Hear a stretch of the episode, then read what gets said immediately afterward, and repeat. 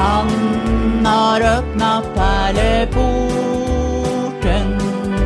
så att jag kan komma in. Genom blodet har han frälst mig och bevarat mig som sin. Pärleporten, vi är tillbaka. 24 för dig som räknar avsnitt. Ja, precis. Känns det stort och glatt? Det känns stort. Eh, Det som är roligt är ju att det är 24 eh, och det är också snart 24 december. Så vi ligger ju i eh, juletid så att säga. Det kan ju också vara så att den här släpps exakt när det är den 24. Ja, det kanske den gör. Vi ligger ju alltid lite före i tiden innan det når olika lyssnares öron. Exakt. Och vi har precis sagt att det kanske är lika bra att vi börjar försöka släppa på torsdagar. För att på fredagar när vi vanligtvis släpper så är man så himla upptagen med massa annat. Och då orkar man inte lyssna på olika religiösa poddar. Nej, Eller? nej, det tror jag inte. Eller alltså, folk lyssnar väl, men eller ja. För när man är på väg hem från jobbet då är man ju liksom sådär passera bolaget och sen tänker man nu är det, nu är det dags. Det är däremot väldigt mycket bilkö på eh, fredagar. Och vi har ju alltid sagt att den här podden är ganska bra att lyssna på i bilkö. Har vi sagt det? Mm. När då? Kanske i min fantasi. Just det. Är vi sådär en bättre bilköpodd än någon annan? Ehm, ja, det kanske vi är. För att vi är lite skojiga. Lite busiga. Vi tycker det i varje fall. Ja, Jag tänker just det att man, man försöker lite sådär mansplaina när folk har tid att lyssna på poddar. Det är som att folk som lägger upp så recensioner på olika spel och appar, antingen på Google Plays affär eller vad heter den på iPhone, App Store. App Store. Och så står det alltid så här, ja, det här är ett kul spel när du har lite tid över. Kul tidsfördriv på bussen. Det är som att så här, man behöver berätta när man kan använda de här apparna. Det, är ju, det behövs ju inte. Men det är väl, eh, men det ger ju en aura av vad, vad, eh, vad det är för slags eh, podd eller spel. Liksom. Att man inte gör det helhjärtat utan det är sådär i, i förbifarten så att säga. Vi vill ju i så fall inte vara en, en bilköpodd. Vi vill ju ha den där man sätter sig ner liksom i sin knarriga sköna fåtölj och så bara lutar man sig tillbaka, sluter ögonen, på med lurarna och där är pärleporten, Ja. senaste avsnittet. Ja, det kanske är så i och för sig. Eh, och så kanske alla poddar vill vara. Mm. Ja, vi, vi nöjer oss att sitta i bilkö, har lite tid över på bussen, Ja, står och väntar på tuben, Ja. jada jada. Här är vi i varje fall Härligt. och lackar mot jul. Vart är vi någonstans? Vi har ju börjat göra någon slags hemma hos-reportage här. Förra gången så var vi hemma hos dig i Noahs ark och idag är vi i min eh, pundakvart på Söder. Ja, Ehm, och i bakgrunden så kanske man hör olika fasadrenoveringar. Det är en byggnad här snett över där vi bor där de håller på och bygger byggnadsställningar just nu. jag ser. Och det går liksom genom de här gamla 30-talsfönstren. Vi närmar oss jul i varje fall. Christmas. Christmas kommer ju från ordet Christ. Vad har du egentligen för relation till den här julen? Vi brukar alltid prata om de olika jularna sedan tidigare, men just den här julen. Säg ett ord som beskriver din känsla. Det känns bara som att eh, när, så här, när första advent kom, då eh, julpyntade vi och hade det jättemysigt och tände ljus och även andra advent. Men nu känns det bara som att det är tapp, alltid tappat på något sätt. Förstår du?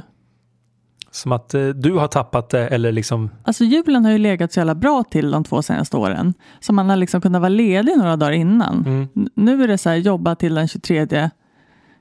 Kanske också lite mellan dagarna för att man är, har mycket att göra. Mm. Så nu känns det lite så här, vart, vart är julen? Jag skulle vilja skjuta upp den några veckor. du vill alltså skjuta upp julen. Ja, det vore väldigt skönt. Bara någon vecka eller två liksom. Men hur gör man det rent praktiskt? Måste man få olika Arne Weise-karaktärer då att blåsa ut ljuset och sen liksom tända det igen eller ska de bara inte gå till studion? Eller Lars Lerin eller vilka som nu är, representerar julen? Jag har ju ingen tv. Ehm, och, Ja, men- titt, och tittar inte på sånt. Så rent tekniskt sett, jag skulle ju bara kunna skita i julen och sen bestämma ett datum och bara, nu är det jul, gud vad mysigt vi ska Just ha det. Men om du släpper din lilla bubbla så finns det andra som tittar på olika Arne Weise-karaktärer som tänder det där ljuset på julafton. Men nu ska vi faktiskt vara varsin liten julbubbla i år. Så det är okej att vara i min bubbla. I din skjuta upp-bubbla. Vi trycker på paus och sover lite. Ja, Mm. precis. Gud vad härligt. Men, men då förutsätter det att när saker och ting har återgått till det normala, då tar vi upp julen så att säga. Exakt. Och då ligger vi lite några månader efter, eller kanske ett halvår. Men jag tänker att egentligen, rent krasst så eh, kanske om tre år kommer eh, vi kunna fira jul som vanligt. Men tänker du också att nästa jul så firar vi midsommar typ? Ja, det är väl en jätte... Ja, mm, nej men vänta. Om vi skjuter upp allting liksom senare lägger, fattar Ja. du? Mm. Men det kanske är... Eh, jag tänker att man måste ändå tänka lite på årstiderna. För att få rätt feeling. Tycker jag. Mm. Okej, ja, då ska vi fortfarande göra det i någon slags närtid. Ja. Ja, eh, så för dig som eh, vill ta Nadias uppmuntran så skjut upp julen. Why don't you? Ja.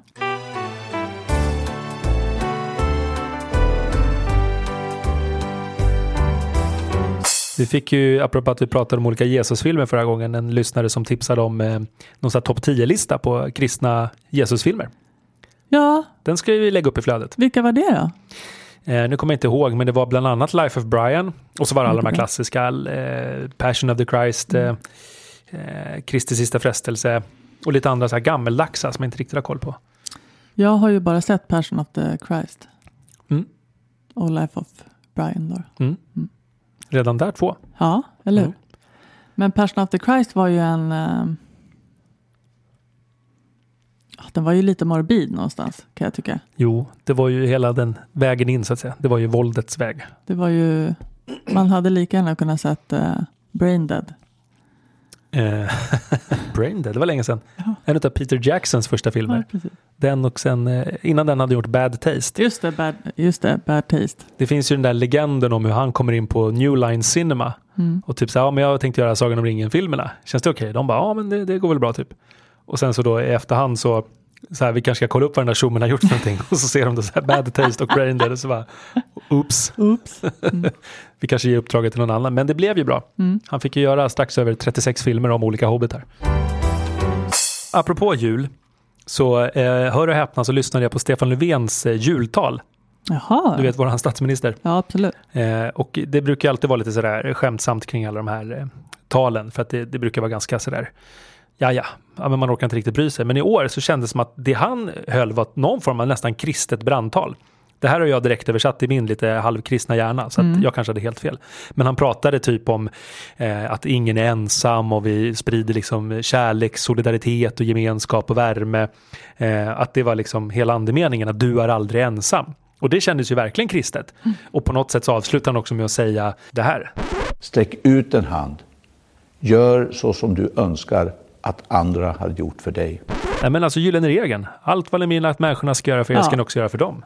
Lukas 17.32. Eh, Matteus 7.12. Ja. So close. So close. Gl- Glenn Close. Ja. Åh. Det, får- det får man ju osökt att tänka på det gamla eh, Glenn Hysén-skämtet. Vi, eh, vilket är det? Att de, eh, du vet skådespelerskan Glenn Close. Ja. Att om Glenn Hussein och Glenn Close skulle gifta sig på lite traditionellt sätt så skulle båda heta Glenn Hussein.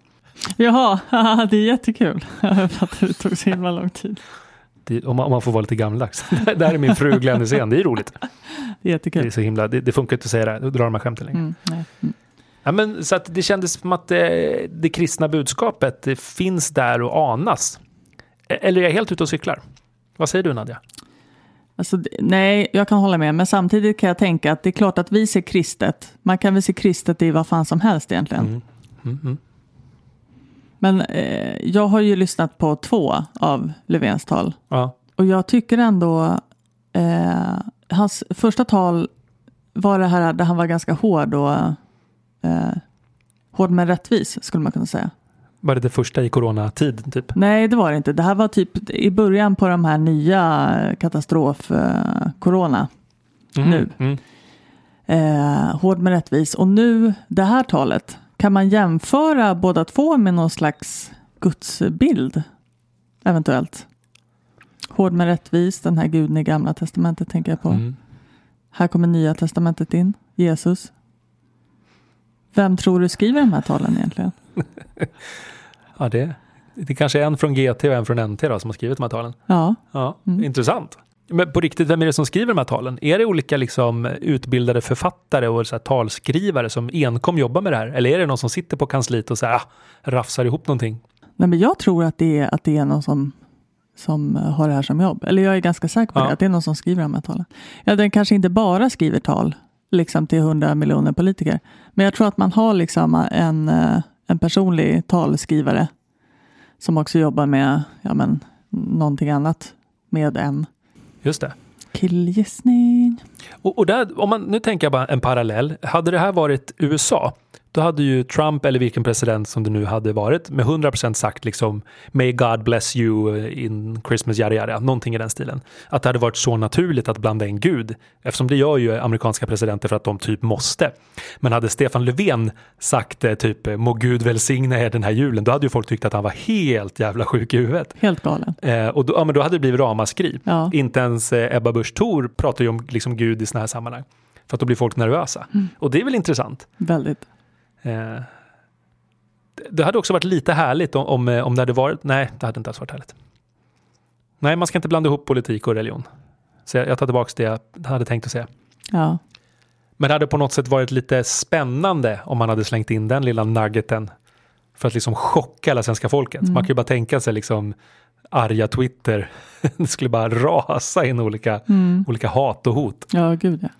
Men det är, lite, det är lite spännande det här med att Sverige är så sekulariserat. Men också att jag har ju aldrig varit i ett eh, land under en längre tid där det är väldigt osekulariserat. Där man är mer öppet eh, kristen till exempel. Har du varit det? Hur, eh, liksom, hur är det att bo i ett land där kristen är normen? Förstår du? Ja, alltså jag har ju varit i USA och där är ju åtminstone 25 procent av de röstande de här evangelikala som vi har pratat om tidigare. Ja, Ti- Gud, jag kan inte prata. tidigare. Pratade du om den dokumentären förresten? Nej, Nej, vilken då? om de evangelikala. Jaha, jag trodde du skulle säga någonting om afasi. Precis. Som var i Sri Lanka för många år sedan och där känns det som att där var ju allt så religiöst så att eh, det gick inte att hitta någonting som inte var religiöst. Och där känns det som att alla religioner fanns representerade. Man kunde typ inte gå mer än 100 meter förrän man stötte på liksom ett buddhistiskt tempel, en moské eller en kristen kyrka eller något sånt. Det kändes väldigt härligt på något sätt. Sen kan jag inte riktigt sätta mig in i hur det ser ut bakom kulisserna där, men det var väldigt fint. Plus att alla dagar så var alla butiker stängda för att det alltid var någon form av religiös högtidsdag, så att det gick liksom inte att handla där, för det var alltid stängt. Så idag firar vi det här helgonet, eller idag firar vi den här profeten, eller vad det nu kan vara. Det var lite rart. Mm. Inte utifrån eh, eh, souvenirperspektivet dock. Nej. Men eh, vad ska man göra? Kan jag få ett julrim på minister? Som att man får en minister inslagen i ett paket som så dyker upp ur en Ja. stor julklapp. Ja. En så lite ekivok situation. Ja. Men ska det rimma på minister då? Jag har aldrig, ka- kan vi bara eh, göra oss klara med det här? Ett julrim, sk- ska det sluta med grejen man får eller ska det vara ett rim som inte rimmar på det man får utan som bara kan ge en ledtråd? Alltså det finns ju, tänker jag, två olika skolor. Den ena är att ehm, eh, här eh, i ditt hus får du nu ett, eh, liksom, och så är det ett ljus man har slagit in. Juleljus. Ja, lite så. Och då, att man förklarar. Eh, skönt att jag försökte översätta det där själv. Ja, men det finns ju två skolor. två skolor. Eh, Gud vad dumt. Det var som i morse när jag satt och väntade på sjukgymnasten. Och så satt jag i väntrummet så har de så TV4 Nyhetsmorgon och så sitter det två programledare och intervjuar någon psykolog som pratar om syskonbråk och hur får man lite julefrid och sådär. Jo, men det, det är som att, eh, säger programledaren, så här, men om man har två syskon som bråkar, till exempel den ena säger ja, men om jag vill ha min pepparkaka nu och då säger den andra nej, det får du inte. Och var tvungen liksom att fabricera ett problem för hur det kan låta när två barn bråkar. Det var så här, det här, det här behövs ju inte. Pepparkaksbråket. Ja. Och, Gud vad roligt. och lite så som jag försökte liksom Om det hade varit högre kvalitet på rimmet hade jag accepterat det. Ja, ge mig ministerrimmet nu då. Nej, men det jag tänkte säga var att det finns ju två skolor. Det var ju hela poängen. Det finns ju de som verkligen rimmar på det sättet att de avslutar med att man, man helt och hållet avslöjar det som är i paketet.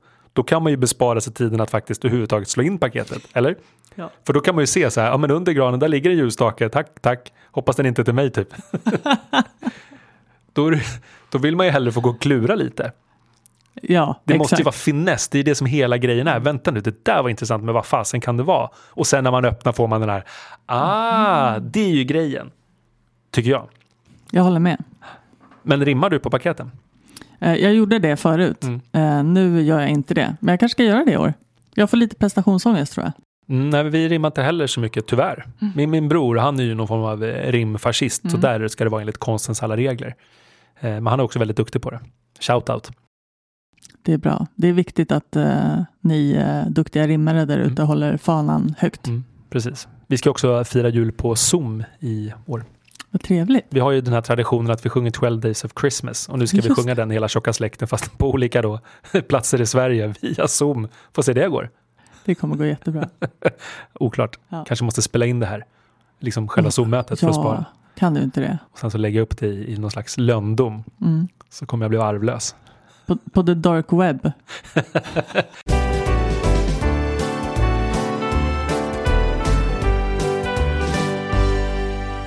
Du vet kyrkans tidning Nadja. Din och min favorittidning. Ja. Branschblaskan. Eh, oklart hur många prenumeranter det är. Läser du ens den här tidningen? Eh, ja, faktiskt. Eh, ibland på Mm. internet. Men då har du något abonnemang alltså? Ja, eller församlingen har ju. Exklusivt. Ja. Eh, då är det en eh, insändare eller en debatt eh, kan man nog säga där det står så här. Är det ingen som bryr sig om vad som händer med kyrkan? Och så är det väldigt sådär nästan skrivet på lite spoken word, otroligt dramatiskt så här. Får jag läsa lite? Är det ingen som bryr sig att varje år går nästan ett helt Halmstad, cirka 100 000 personer ur Svenska kyrkan? Är det ingen som bryr sig att Svenska kyrkan på många håll på landsbygden håller på att dö?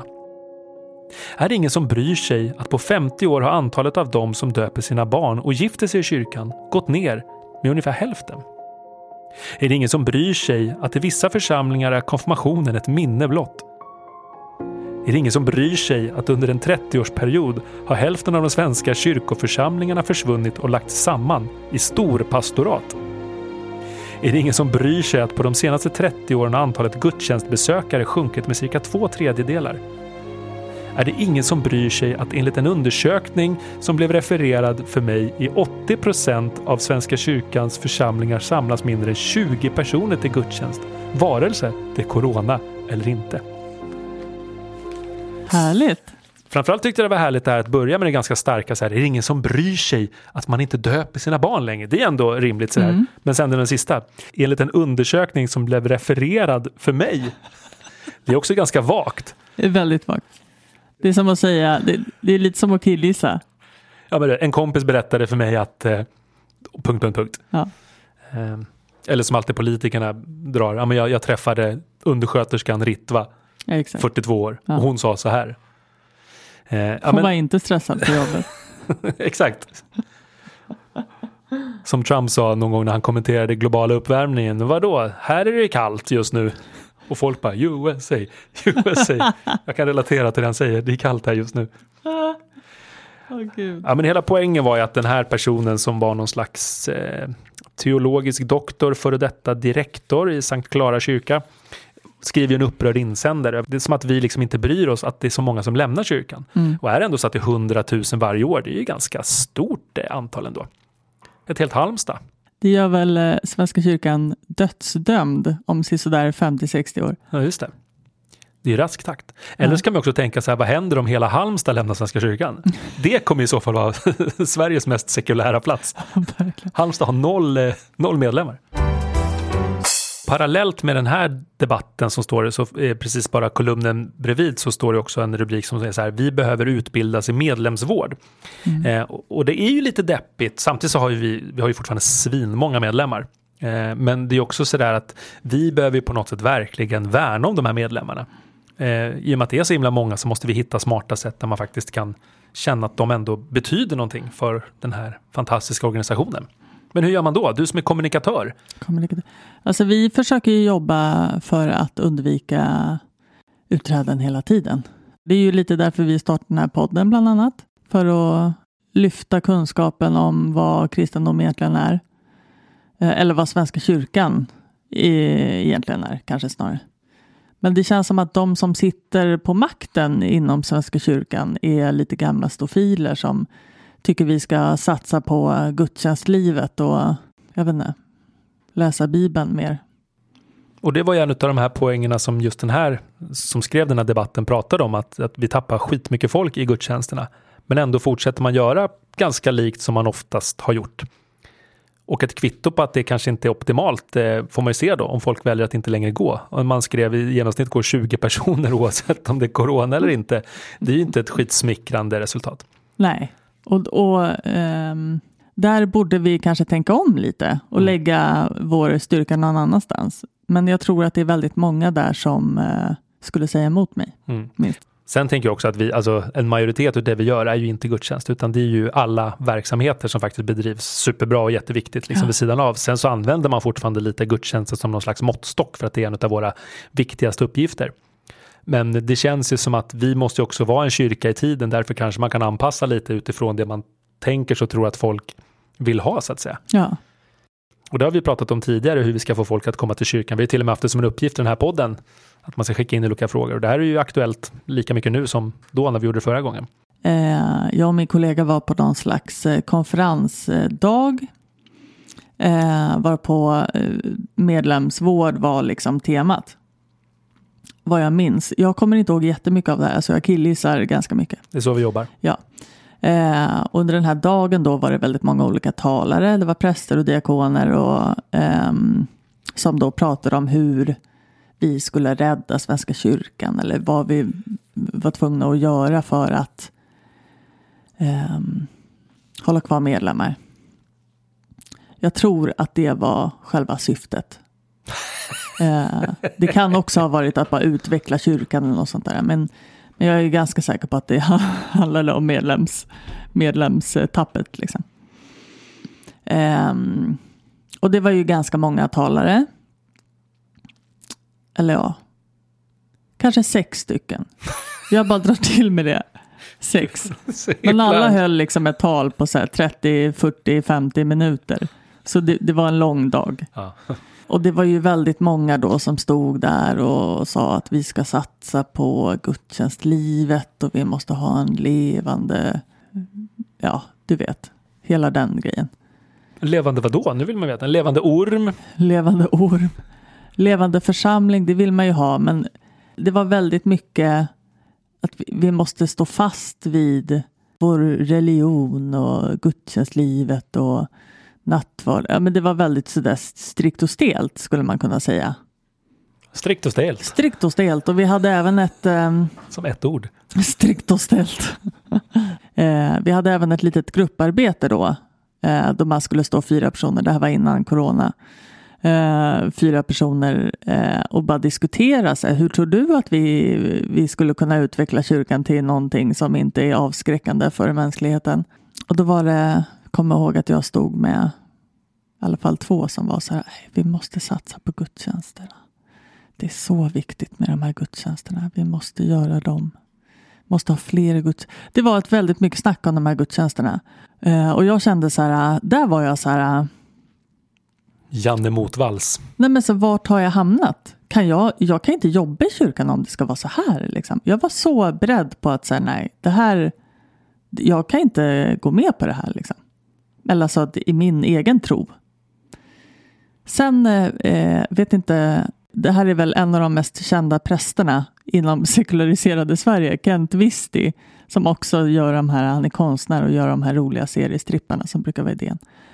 Han hade det sista av de här talet. Jag tror han gick upp och så det första han sa var så här, Svenska kyrkan kommer dö om 30 år om vi fortsätter med gudstjänstlivet.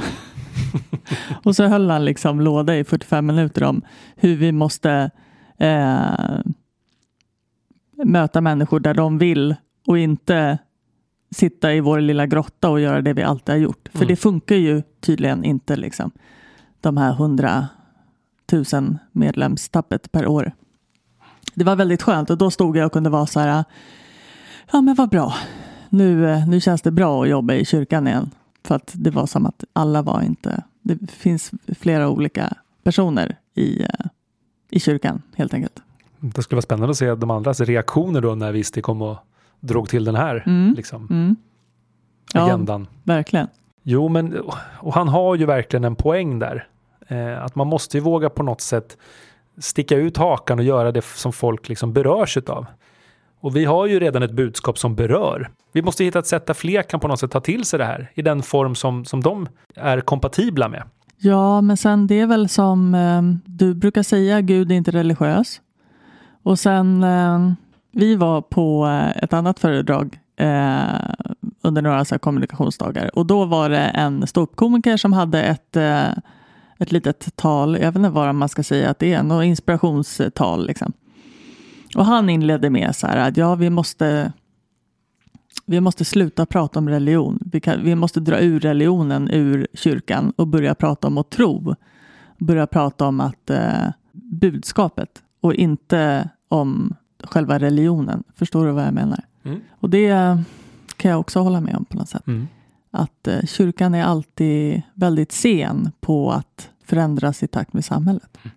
För att det är väldigt överallt. Jo, och då kommer ju många tycka så här, jo men det är ju vår viktigaste uppgift att vi måste ju förmedla Guds ord. Absolut. Men det är ju också det som Luther gjorde, han gjorde ju kyrkan modern. Och Luther är en av våra främsta föregångare. Även om det är liksom 500 år sedan han levde så lever ju fortfarande efter hans devis. Det är bara det att den devisen har ju liksom halkat ett par 10, 20, 100 år efter så att säga. Ja, ja precis. Vi, vi är en modern kyrka, a.k.a. modern på 1500-talet. Fast vet du vad, vi sitter ju precis och säger emot oss själva utifrån det som Skäringer och Mannheimer pratar om. Mannheimer. Nej, men det man måste komma ihåg, alltså att särskilja att vi är ju en modern kyrka, men fortfarande så håller gudstjänsten en ganska traditionell eh, utformning så att säga. Och det är väl kanske den primärt som vi pratar om nu, att gudstjänsten måste få göras tillgänglig för, för folk utifrån något slags Lutherperspektiv. Han tog in populärmusik och allt det där och gjorde den tillgänglig, översatte till ett språk som folk fattade och det språket måste ju vara lika tydligt översatt idag. Även om vi talar själva grundspråket så måste vi förstå andemeningen. Ja men eller hur? Ja, för samtidigt kan jag tänka att, jo men nej, alltså nu drar jag alla över en kam här, måste jag säga. Eh, det, jag tänker att det är eh, Skäringer och Mannheimer pratade om. Eh, där tror jag, gud nu kanske jag bara säger emot mig själv, men där, där tänker jag att det är ju på en mycket mer individnivå liksom. Och det tycker jag vi är ganska bra på i själva verksamheten. Att vara moderna och att eh, vara en kyrka i samtiden. Liksom. Men det är allt det här andra som måste hänga med. Hur, ja, men hur gör vi för att inte få det här medlemstappet? Mm. Där är vi inte moderna nog. Men när folk väl har kommit in så, gud det låter som att man ska snärja in dem på något sätt. Nej, Mm. men så fort folk faktiskt har förstått att, att eh, det, jag, jag tänker att det vi, det vi ser utåt är ju ofta inte jättemodernt. Bara det att det är en Stockholmsförsamling som har en kyrkoherde som inte vill viga samkönade är ju Mm. helt galet. Liksom. Har vi sådana? Ja. Ja, det känns ju osoft. Mm. Ja, men det är väl kanske att vårt, Eller hade. Ja, men vår uppgift är att få folk att komma till kyrkan och därifrån så brukar det ganska organiskt lösa sig. För då märker man att shit, det här kanske är en plats för mig. Exakt. Det är väl snarare hur vi pratar om att vara kyrka och hur vi kan liksom verbalt kommunicera det här, liksom, att vi är en kyrka även för dig som kanske inte tror att kyrkan är någonting för dig. Att vi måste lära oss att kommunicera, det är ditt jobb liksom, Nadja. Exakt. Och inte de här 95 procenten som bara flyger över huvudet på folk. Utan Exakt. hur vänder vi på det så att 95 procent av det vi kommunicerar landar rätt i huvudet på folk? Det är ju det vi försöker eh, tänka fram då. Mm. Ehm, och vi hoppas att eh, vi når ut en bit i alla fall Mm. med, eh, med det vi gör. Vi ska göra vårt bästa för att folk ska hitta hit, eller hur? Absolut. Och även du, kommunikatör, Communicator. nu får du ut och kommunicera Mm. det du gör bäst. Snart är ju semester då, men efter det. Ja, Just det. Efter julledigheten, då ska vi minsann få inträden. Då ska Ja. vi ha inslaget veckans inträde. Hade inte det varit coolt? Det hade varit kul. Så får vi ha en ny jingel, veckans inträde. Varför har du valt att gå in i Svenska kyrkan, eller gå in, gå ut, gå med? Och som de säger i många poddar, väljer du att gå med tack vare den här podden så skriv gärna din ansökan. Verkligen. Nej, men, eh, och kanske du som lyssnar här och tycker att det här är lite soft kan ju med all fördel, med all fördel, heter det så? Jag tänker att ni kanske kan dela Mm. på era sociala medier om ni har. Mm. Eh, även skriva till oss tycker vi alltid om. Ja, men det vore kul. Om någon i modern tid har gått med i Svenska kyrkan så vore det kul att veta varför. Så Mm. hojta och ge dina tips. Tips och tricks. Yes.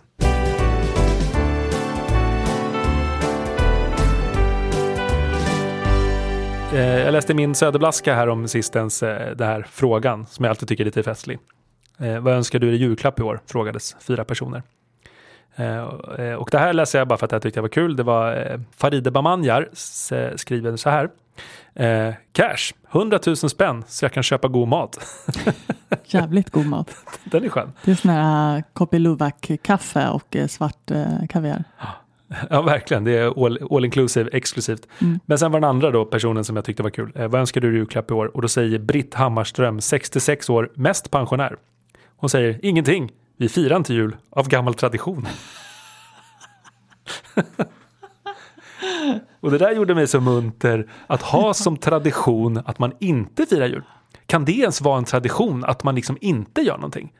Så här, vi firar inte midsommar av gammal tradition. Traditionen är väl någonting man gör regelbundet eller återkommande. Men att då välja att inte göra det återkommande, kan det ens rent tekniskt vara en tradition? Ja, du. Det, det, det tyckte jag var så kul. Det blir ju som att ett, någonting icke-normativt blir ju någon slags tradition då tydligen. Det är väldigt roligt. Jo, men kan det vara en negativ tradition? Det är det som är så intressant. Vad är motsatsen till tradition? Engångsföreteelse kanske? I, fast det, ja, men då i, i den bemärkelsen så är det ju här en tradition då. Jo, men, En äh, icke-tradition. jo, men att inte göra det, det är återigen det där. Att, ja, jag, jag tycker oavsett att Britt var väldigt munter, eller hon kanske inte var så munter, men jag blev munter. Fira inte jul. Jag vill inte ha ett skit. God jul. Fast ändå inte. Mycket Ja, det, det är om Britt och julfirandet. Ja, Nadja, eh, det kändes ju härligt att vi ändå fick ses före jul. ja, verkligen. Och eh, så får vi hoppas att det inte har hörts för mycket från olika renoveringssituationer här i huset mittemot. Precis. Och hoppas att eh, det blev något. Ja, vi får väl se. Ja, Så här är det alltid när vi har poddat. Vi tittar på varandra så blev det någonting. Ibland blir det någonting, ibland inte. Det har ju faktiskt också hänt att vi helt har skitit i avsnitten för att nej, vi kan inte... Vi kan nej, inte precis. Men det är väl det. någon gång det har hänt. Två, Ja. tre kanske. ja, men eh, kul att Pärleporten har fått finnas även det här året. Ja, Vi kommer tillbaka i januari någon gång kanske. ja det gör vi. Det blir toppen. Ja. Vilket, eh, säg ett datum. Vilket som helst. Vilket som helst. 29 maj. 29 maj. Ja. Ja, men eh, god jul då. God jul.